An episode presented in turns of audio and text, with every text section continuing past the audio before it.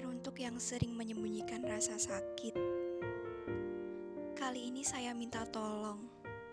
Jujur saja, karena berbohong pun tidak akan memperbaiki keadaan. Dan semoga yang sedang berjuang untuk sembuh dari rasa sakit, lekaslah membaik ya. Bagi yang sedang memperjuangkan keadilan,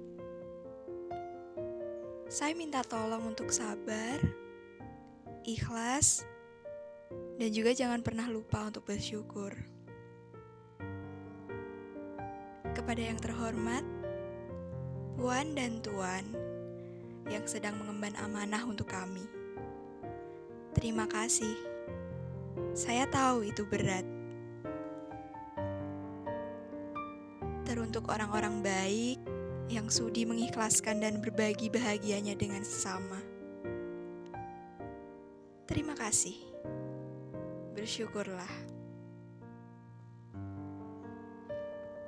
Kepada engkau yang bersedia menjadi garis terdepanku, tetaplah kuatkan bahu dan ragamu.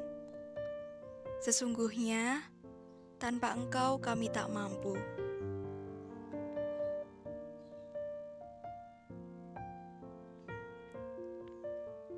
Jadikan cobaan ini sebagai titik balik.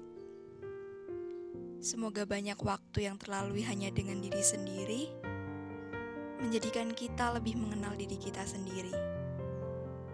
Setidaknya, sekedar untuk mengucap terima kasih karena tidak egois dan masih bertahan sampai detik ini. Setelah cobaan ini berlalu, Semoga banyak yang lebih menghargai sebuah garis waktu yang merangkak maju.